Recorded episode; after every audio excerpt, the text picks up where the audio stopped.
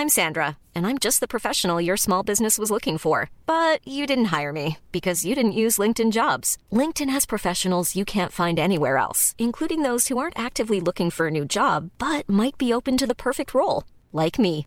In a given month, over 70% of LinkedIn users don't visit other leading job sites. So if you're not looking on LinkedIn, you'll miss out on great candidates like Sandra. Start hiring professionals like a professional. Post your free job on linkedin.com/people today.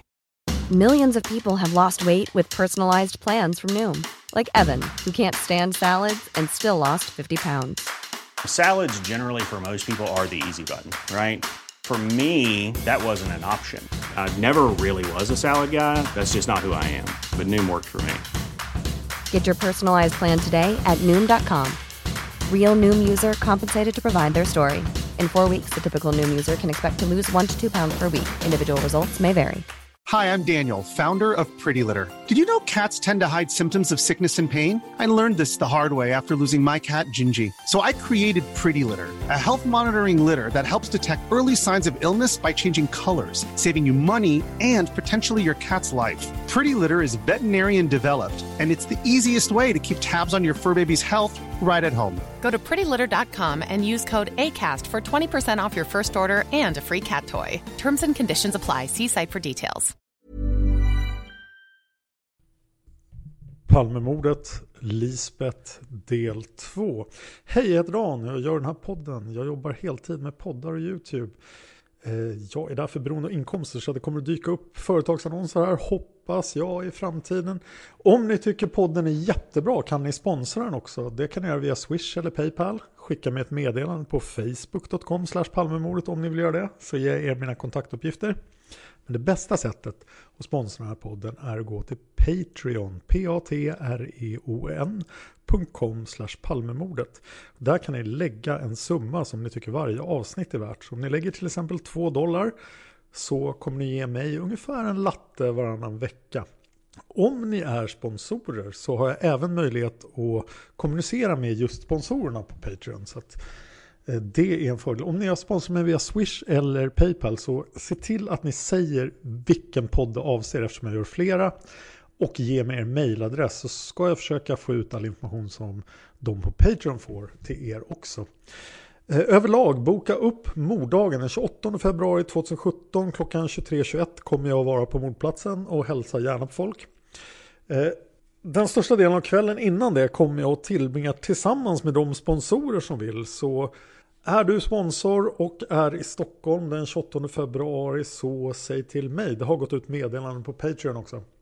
Men nu ska vi prata Lisbeth och det är dags för det första ordentliga förhöret med Lisbeth Palme.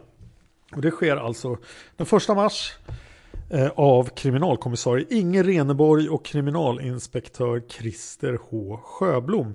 De jobbar vid Stockholmspolisens mordrotel. Och det var inte så lätt att få det här förhöret genomfört berättade Sjöblom för Lars Borgnäs när Lars Borgnäs träffade honom 1998. Och det här kommer då från Lars Borgnäs fantastiska bok En iskall vind drog genom Sverige. Då säger Reneblom Först ville hon inte alls vara med i förhör. Hon tyckte det räckte med vad hon hade sagt på mordnatten på sjukhuset. Men Reneborg pressade på och for till Rosenbad. Ja, det var Sjöblom som berättade, sorry. Men Reneborg pressade på och for till Rosenbad och talade med Ulf Dahlsten, Olof Palmes statssekreterare. Till slut ordnade han ett förhör och vi for till Gamla stan. Dahlsten åkte med. Fru Palme ville ha med både Dahlsten och sonen Mårten vid förhöret. Det hade givetvis varit oerhört värdefullt om man hade spelat in förhöret med Lisbeth Palme för att få med alla detaljer och alla nyanser. Samtidigt hade man undvikit alla diskussioner efteråt om vilka frågor som ställdes och inte ställdes. I protokollet står det antecknat Fru Palme önskar att bandspelare ej skulle användas under förhöret. Jag var tydlig med att få använda bandspelare, sa Sjöblom till Borgnäs. Men hon vägrade och sa att då får det vara. Hon tänkte inte medverka om vi använde bandspelare, sa hon. Och det här är då första tecknet på att Lisbeth börjar krångla. Hon kommer att bli ett mycket besvärligt vittne. Hon kommer inte att medverka vid konfrontationer. Hon kommer att vägra tas upp på band till och med i tingsrätten.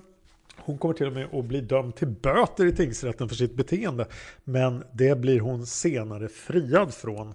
Och där ska jag rätta, rätta mig själv. Hon blev, så att säga, det kom upp att hon skulle betala böter, men hon blev inte dömd till det. Så här kommer då det första förhöret av Sjöblom och Reneborg. Det är alltså 1 mars, klockan är 15.35. Platsen är Västerlånggatan 31, det vill säga makarnas Palmes bostad. Eh, och det är ett eh, eh, protokollförhör, alltså det är bara en sammanfattning. Det är ett sammanfattningsförhör. Dag och tid som ovan uppsöktes fru Lisbeth Palme i bostaden av kriminalkommissarie Inge Reneborg och kriminalinspektör Christer H Sjöblom för förhör i anledning av mordet på hennes make. Närvarande vid förhöret var statssekreterare Ulf Dahlsten samt sonen Mårten Palme. Fru Palme önskade att bandspelare ej skulle användas under förhöret. I sak uppgav fru Palme att hon och maken åt middag i hemmet och att de vid 18.30-tiden ringde till sonen Mårten. De kom överens om att de skulle gå på bio på kvällen. Från början var de osäkra på vilken film de skulle se. Men kom överens om att besöka biografen Grand på Sveavägen och där se föreställningen klockan 21. Makarna Palme gick hemifrån klockan 20.40.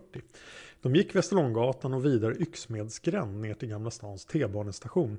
Varifrån de åkte med tunnelbanan till Rådmansgatans T-banestation.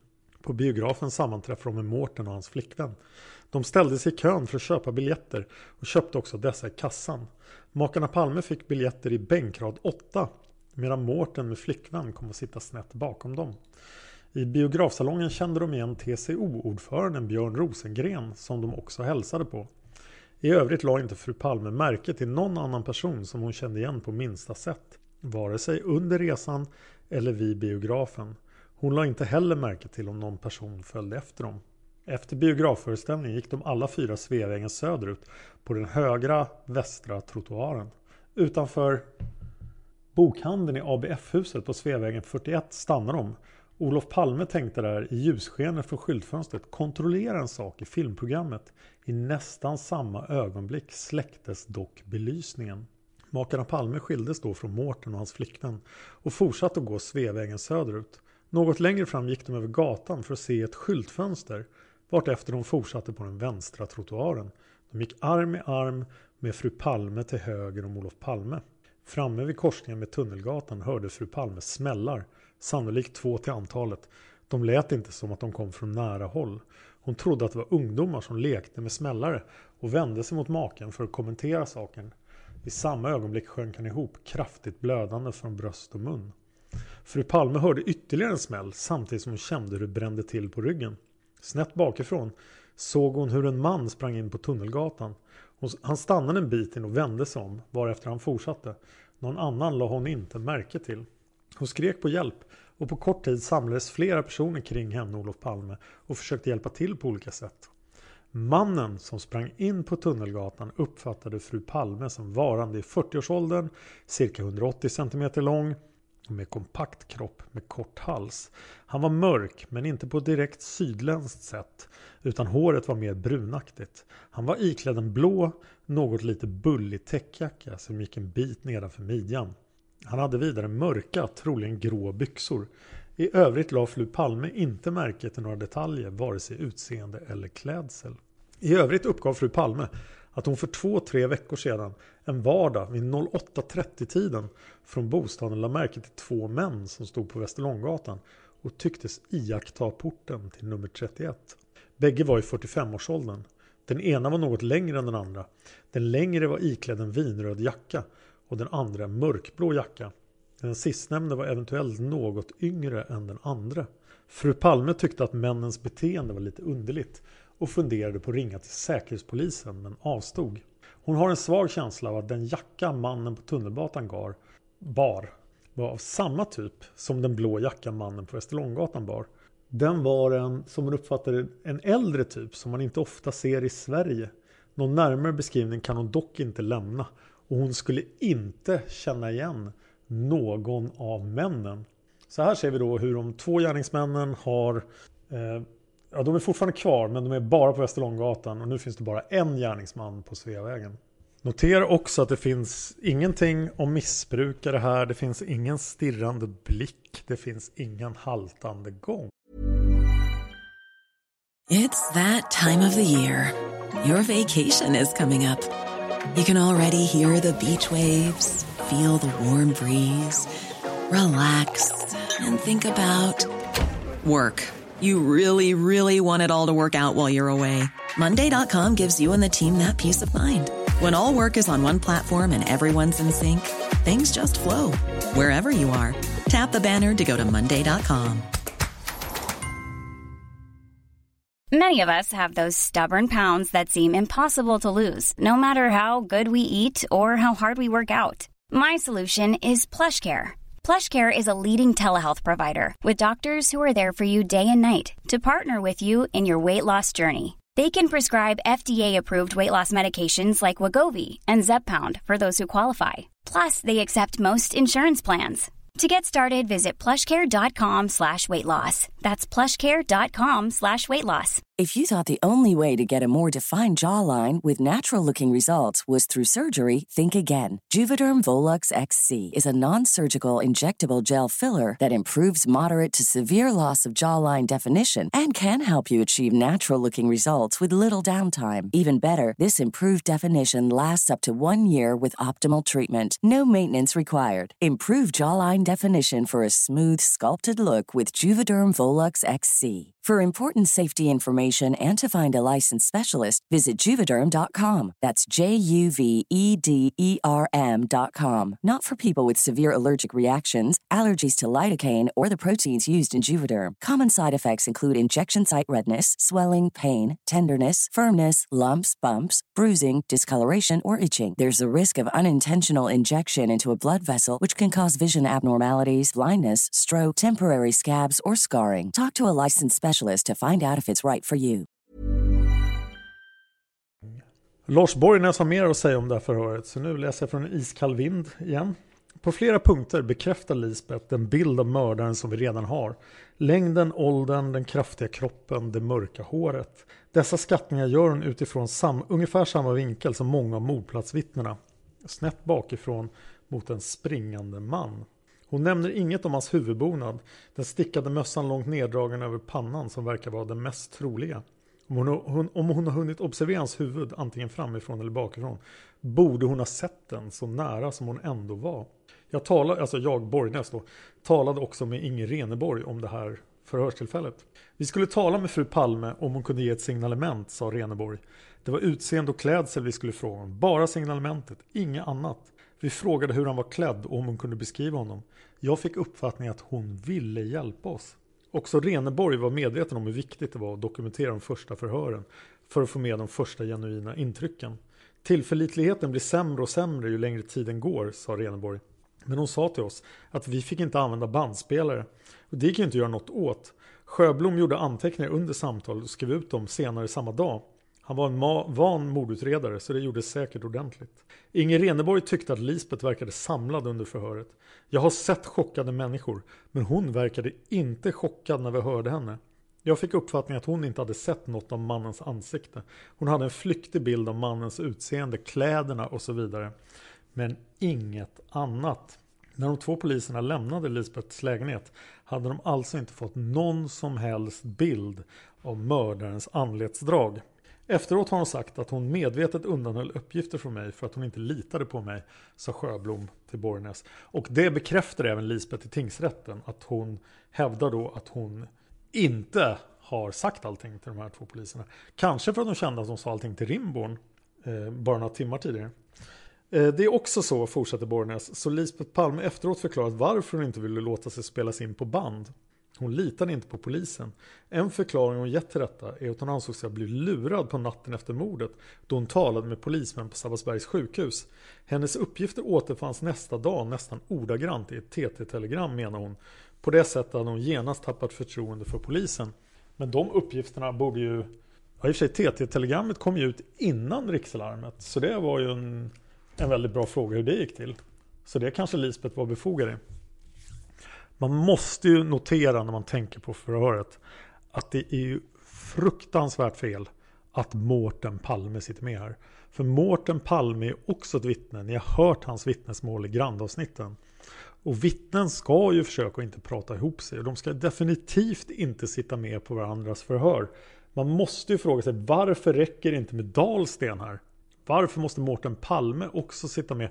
Trots att det strider mot allt förnuft vid förhör. Här har vi två erfarna mordutredare. Men de, har inte, de kan inte hindra det här. Och det är ju aningen märkligt. Den 6 mars 1986 sker någonting fullständigt katastrofalt för Palmeutredningen. Fantombilden publiceras. Fantombilden är ju numera med rätta fullständigt avfärdad. Fantombilden har inget som helst med Palmemordet att göra, skriv upp det. Och det här är ingenting som jag tror, utan vi vet idag att fantombilden inte har med Palmemordet att göra. Så glöm fantombilden. Läser ni saker som refererar till fantombilden, avfärdar dem. Fantombilden är ett villospår.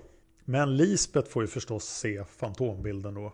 Varpå hon kontaktar då Sjöblom igen och det sker klockan 18.05 den 8 mars.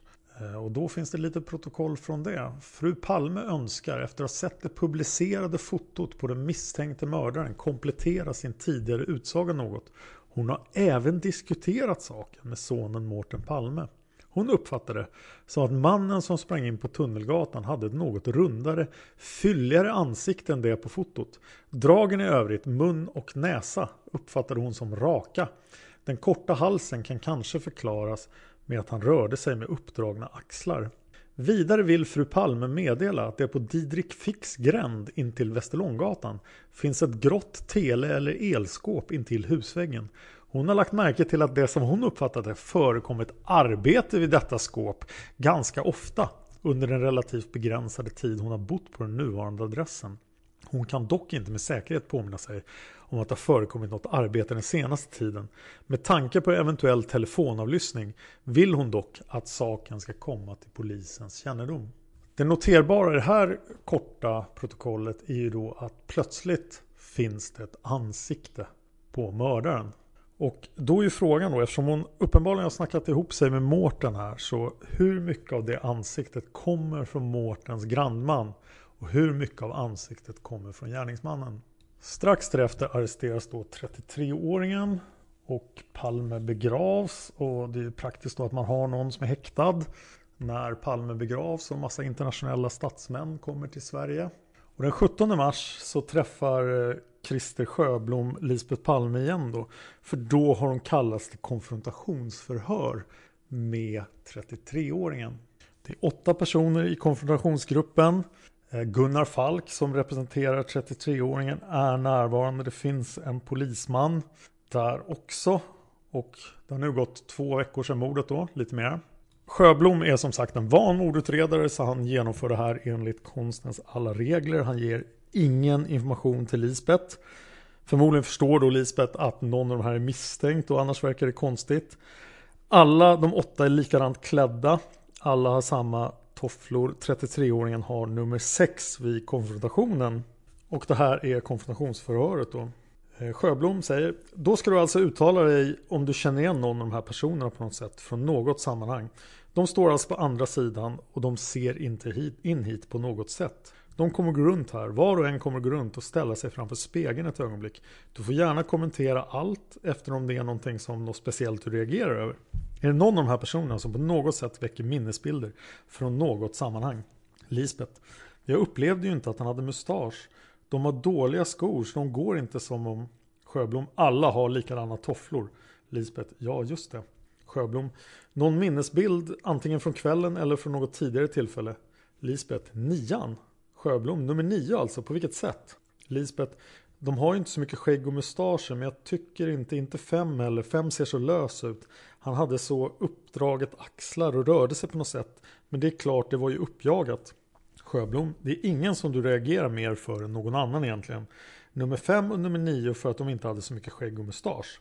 Lisbeth 8 sa jag också, de har inte det men 9 är storleksmässigt tycker jag mest. Sjöblom. Nummer 9 tycks då i kroppsbyggnad och längd stämma något sånär.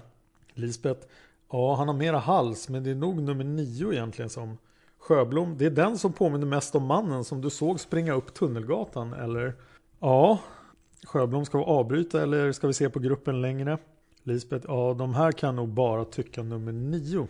Sjöblom, ska vi avbryta då klockan 11.25? Det unika med det här förhöret då att det har faktiskt spelats in på band. Och det är frågan om Lisbeth visste om det då. Eller om hon inte visste om att en bandspelare var påslagen. Men det här är alltså Lisbeths exakta ord. Och det enda gången vi har Lisbets exakta ord inspelade på band. Det finns ingen stirrande blick. Det finns ingen haltande gång. Eh, Lisbeth säger att mördaren inte hade mustasch. Och det tyder ju på att hon har sett mördarens ansikte. Eller att hon är påverkad av Mårtens grannman. Eller av att fantombilden nog inte hade någon mustasch. Vid det här laget har Hans Holmér uttalat sig att Lisbeth Palme såg inte mördarens ansikte. Men den 25 mars så kommer Hans Holmér att förhöra Lisbeth Palme i 90 minuter. Och det är ett väldigt märkligt förhör. Det händer då den 25 mars mellan klockan 09.30 och 11.00 och resulterar då, trots att det är så långt, i några få sidor med anteckningar.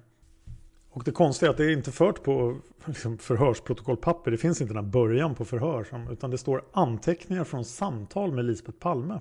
Lisbeth berättar följande. Ett par gånger om året brukade Olof och hon gå på bio. Det händer något år att de inte går på bio överhuvudtaget. Senare tid har de varit på bio ett par gånger. Bland annat har de sett Amadeus vid två tillfällen. Den aktuella veckan var de ute och åt på onsdagskvällen på en restaurang vid Kornhamns torg. På torsdagen var de hemma. På fredagen pratade Lisbeth med Mårten i telefon. Mårten var då hos Ingrid. Ungdomarna hade bestämt sig för att gå och se Bröderna Mozart på Grand. Lisbeth och Olof hade pratat om att gå på bio. Men de hade inte bestämt sig vilken film de skulle se. När Lisbeth talade med Mårten så lämnade man frågan om Lisbeth och Olof skulle komma till samma film öppen. Lisbeth och Olof bestämde sig mindre än en timme före biotid att gå på samma bio som Mårten och Ingrid. Ingen utomstående kan ha känt till att Lisbeth och Olof skulle gå på Grand. Till bion åkte de tunnelbana och steg av vid Rådmansgatan. Lisbeth och Olof stod i biokön tillsammans med Kurt Lidgard och hans fru och med Göran Rosenberg och hans fru. Efter föreställningens slut pratade de med ungdomarna en stund ut på gatan. Mårten är en kvällsmänniska och ville gärna dricka te efter föreställningen. Men det blev inte så. Lisbeth och Olof bestämde sig för att promenera till bostaden. Lisbeth såg heller ingenting mystiskt efter bion. Ingen tilltalade dem heller. Hon begränsade medvetet synfältet när hon var ute och gick med Olof. Närmast för att alla ville titta på Olof och det kändes inte alltid angenämt. De gick Sveavägen söderut på den västra sidan, samma sida som biografen. När de kom fram till Adolf Fredriks kyrkogata gick de över Sveavägen för Lisbeth ville titta i affären med indiska kläder. De sneddade över Sveavägen och gick bara under den senare delen av sneddningen i övergångsstället. När de hade kommit över på motsatta sidan så gick de och tittade i några affärer. Ibland gick de var för sig men när skottet small gick de arm i arm. När skottet smäller tror Lisbeth att det är några smällare som ungdomar håller på med eller något liknande. Hon vänder sig mot Olof för att kommentera det hela och märker då att han tappar steget och faller ihop. Omedelbart därefter kommer det andra skottet. Hon känner en sveda längs ryggen. Gärningsmannen har stirrande blick, ljus blick. Kindknotorna är liksom bulliga. Han har vit överläpp, kort hals, uppdragna axlar, ett kompakt utseende. Han bär mörkblå jacka. Den är inte midjelång, inte heller väldigt lång. Han har mörka byxor. Det är inte jeans. När Lisbeth ser honom går han ut till vänster snett fram emot det upplysta fönstret i affären i hörnen. I hörnan. Han blickar tillbaka som för att kontrollera att han lyckats och fortsätter in i gränden. Lisbeth har sedan intrycket att han kan ha stått kvar inne i gränden en stund och stirrat tillbaka på henne. Lisbeth känner inte till så mycket om vapen, men hon tror att vapnet måste ha varit försett med ljuddämpare. Lisbeth har ständigt varit orolig för deras säkerhet, men hon har aldrig sett några tecken på övervakning eller skuggning i någon form. Flera trubadurer som uppträtt i Gamla stan har hon lagt märke till. Det gäller en trubadur med en mössa med guldrevär och en liten fransman med färgad hårtest. De har stått utanför porten på Västerlånggatan och spelat. Mannen med guldrevären lär vara kriminell. Också en irländare som kan bo på den röda promen nere vid Söder Mälarstrand har ofta varit och spelat på Västerlånggatan. Irländaren verkar lite psykiskt störd. Vid ett tillfälle såg Lisbeth två män utanför Västerlånggatan. En var stor och blond och den andra mindre. Hon vet inte när hon gjorde iakttagelsen. Det kan ha varit i början av veckan. Finnen i skivaffären har drag av en mängd finnar som kommer på tillfälliga besök. Läkarmottagningen i huset är en svaghet ur säkerhetssynpunkt. De har inte fått några mystiska telefonsamtal eller uppringningar när ingen har talat i andra änden. I alla fall inte mer än vad som normalt händer. Lisbeth sätter inte mannen som var uppe på hennes arbete i samband med mordet. Han verkade förvirrad. En av Lisbeths arbetskamrater blev dock skärrad. Bruno har hittat spår efter övervakning som han sätter i samband med kroaterna. Lisbeth tror att det kan vara kroater, tyskar, israeler, sydafrikaner eller amerikaner som ligger bakom mordet. Knappast kurderna. Olof förde ingen dagbok. Vid obelisken i Gamla stan stod personer från EAP när Lisbeth och Olof gick till Alva Myrdals begravning i Storkyrkan. De gastade och hade banderoller. Hans Holmer. Sen finns det märkligt nog ett annat protokoll som är mer ordentligt fört och från, som verkar vara från samma förhör. Där förekommer även en polis som heter Roland Ståhl. Och jag tänker ta det protokollet också. Lisbeth Palme har berättat att hon och Olof Palme sällan gick på bio. Det kunde hända kanske en gång om året. Något år var de inte alls på bio. De pratade om att gå på bio men som regel hände det inget. Lisbeth Palme ringde från sin bostad och pratade med Mårten den 28 februari. Under samtalet berättade Mårten bland annat att han och hans flickvän skulle gå på bio på kvällen.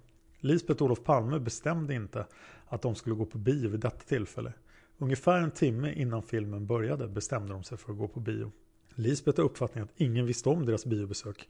Hon har inget minne av vad Olof Palme sa vid telefonsamtalet med Sven Aspling.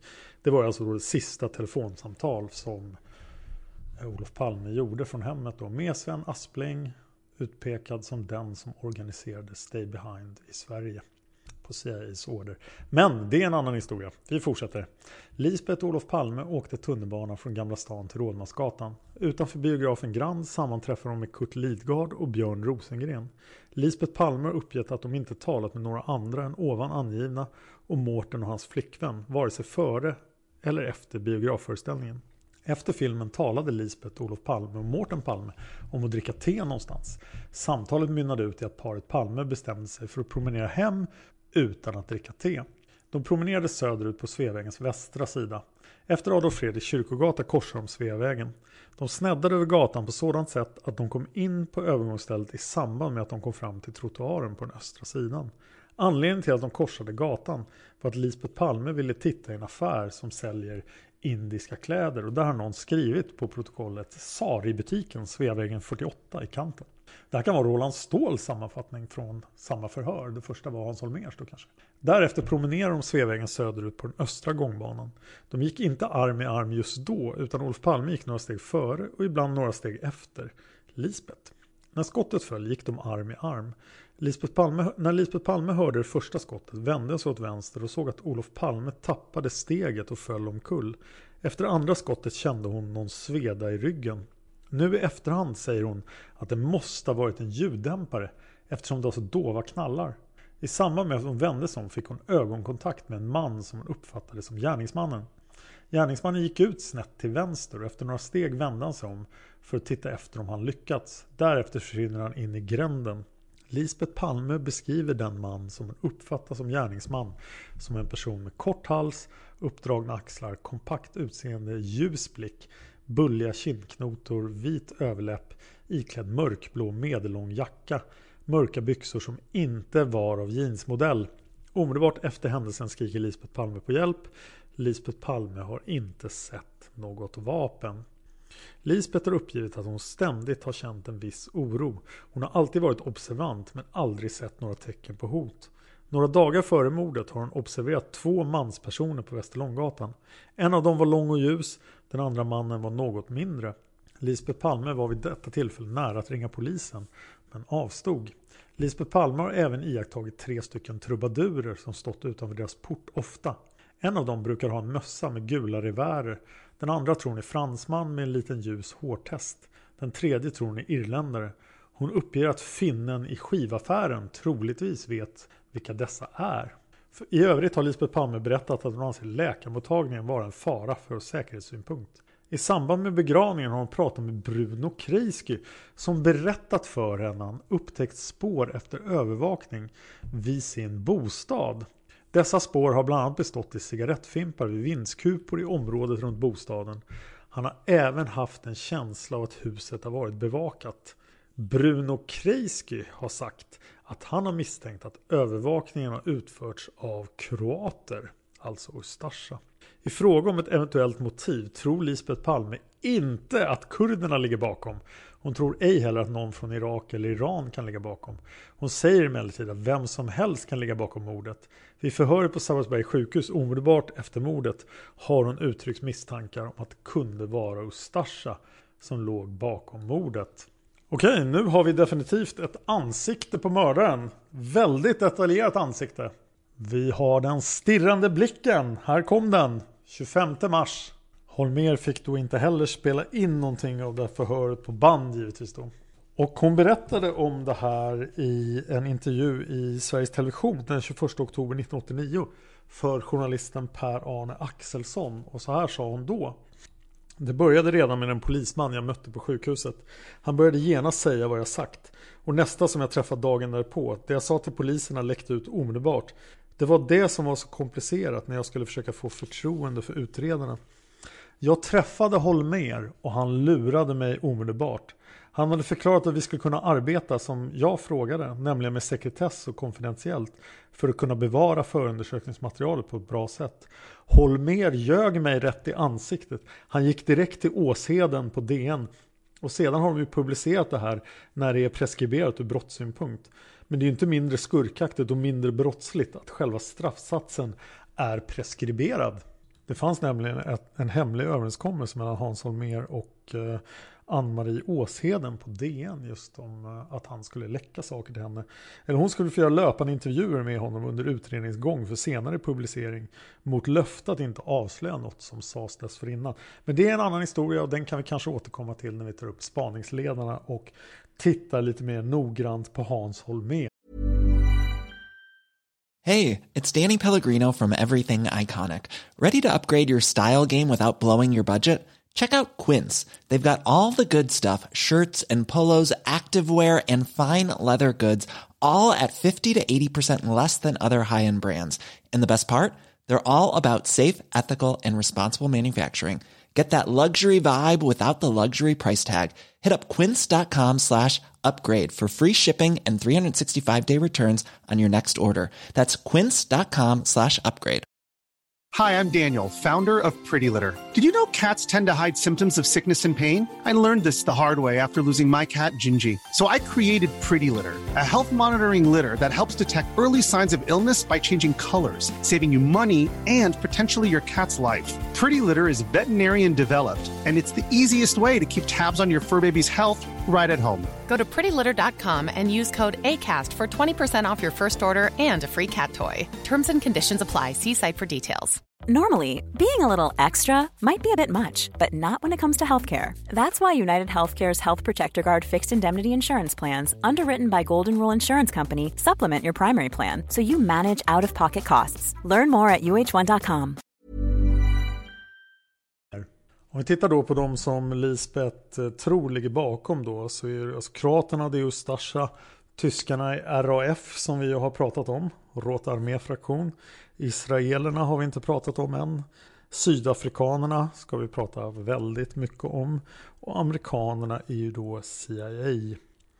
Men jag tycker det är väldigt charmigt här att Holmer redan nu försöker få in kurderna här men att Lisbeth avfärdar Lars Borgnäs har gjort en väldigt bra analys av den här bilden av gärningsmannen. Finns på sid 95, en iskall vind drog genom Sverige och därifrån läser jag nu. Först säger han då att den här mannen som stod i gränden och tittade tillbaka på henne då rimligtvis inte gärningsmannen. Vi vet att gärningsmannen inte stannade. Det har vi flera andra vittnen som säger. Utan det han ser måste vara vittnet, det, det Lisbeth ser måste vara vittnet Lars J. Den första som Lisbeth ser, mannen som går ut snett till vänster, kan vara mördaren. Men det kan också vara Anders B. Att mördaren ser tillbaka mot Olof och Lisbeth sedan han väl kommit i rörelse stämmer inte med vad andra ögonvittnen har sagt. Men det kan stämma om hennes observation görs bara sekunderna efter skotten. Taxichauffören Delsborn beskrev ju att mördaren tvekade någon sekund. Musikläraren Inge M att gärningsmannen backade något steg innan han vände och sprang iväg. Han kan ha kastat en blick ner mot offret för att avläsa honom. Har han lyckats med sin uppsåt att döda honom? Men när Lisbeth i senare förhör preciserar avståndet till den stillastående mannen med den stirrande blicken är det på så långt håll att det inte stämmer med mördaren. Denne var ju bara en dryg meter ifrån henne direkt efter skotten. Är det Anders B's blick hon beskriver? Vittnet Anders B står där bredvid skyltfönstret, säkerligen med förskräckt min. Han är något berusad och överraskad av det som har hänt. Han ska strax ta ett steg åt sidan in i alkoven för att söka skydd. Att han har stirrande blick i detta ögonblick är ingen vågad gissning. Han försöker få ordning på medvetandet. Nyss gick tre personer framför honom med allsköns ro. Så har det smällt två gånger och nu stiger två rökpuffar mot natthimlen inflätade i varandra. En av personerna har oväntat fallit omkull och en annan har vänt sig mot vänster och lämnat platsen. Och kvinnan har tvärt vänt sig om och skriker något som Anders inte uppfattar samtidigt som hon tittar mot honom. Anders B har kanske stirrande blick i den stunden. Har han ljus blick? Definitivt ljusare blick än Christer Pettersson, det är säkert. Det har de flesta. En annan detalj som vi redan sett stämmer med Anders B är den blå täckjackan. Bulliga kindknotor har Anders B också. Däremot har han inte vit överläpp. Han har ett tunt skägg, en krans runt ansiktet och mustasch. Jag upplevde ju inte att han hade mustasch, sa ju Lisbeth i konfrontationsförhöret med 33-åringen. Där stämmer Anders B dåligt på hennes beskrivning. Men det finns många möjligheter. Kanske tog hon några detaljer från Anders B, några från den springande mannen, några från vittnet Lars J, några från fantombilden, några från sonen Mårtens beskrivning av grannmannen. Av en suddig iakttagelse, i en stund när hon inte visste vad som skett och ännu inte förstod hur situationen skulle tolkas, kan hon i sinnet ha försökt pussla ihop en minnesbild av mannen som tog hennes makes liv. Hon vill naturligtvis oerhört gärna minnas den mannens ansikte. Hon vill att han ska åka fast och ställas till svars för mordet. Hon vill, kort sagt, hjälpa till. Tyvärr låter hon sig dock inte spelas in på band. Därför vet vi inte hur frågorna ställdes när hon redovisade sin minnesbild av ansiktet. Och vi vet ju som sagt inte vad Hans mer frågade. Eh, vad han ställde för följdfrågor, hur Lisbeth lät. Så här, bandinspelning hade varit väldigt bra. I nästa avsnitt ska vi försöka ta Lisbeth hela vägen till tingsrätten. Vi ska titta på konfrontationen med Christer Pettersson då vi ska titta på ytterligare förhör. Men den här gången är vi klara. Palmemordet finns på Facebook och YouTube under namnet Palmemordet. Bara att söka på.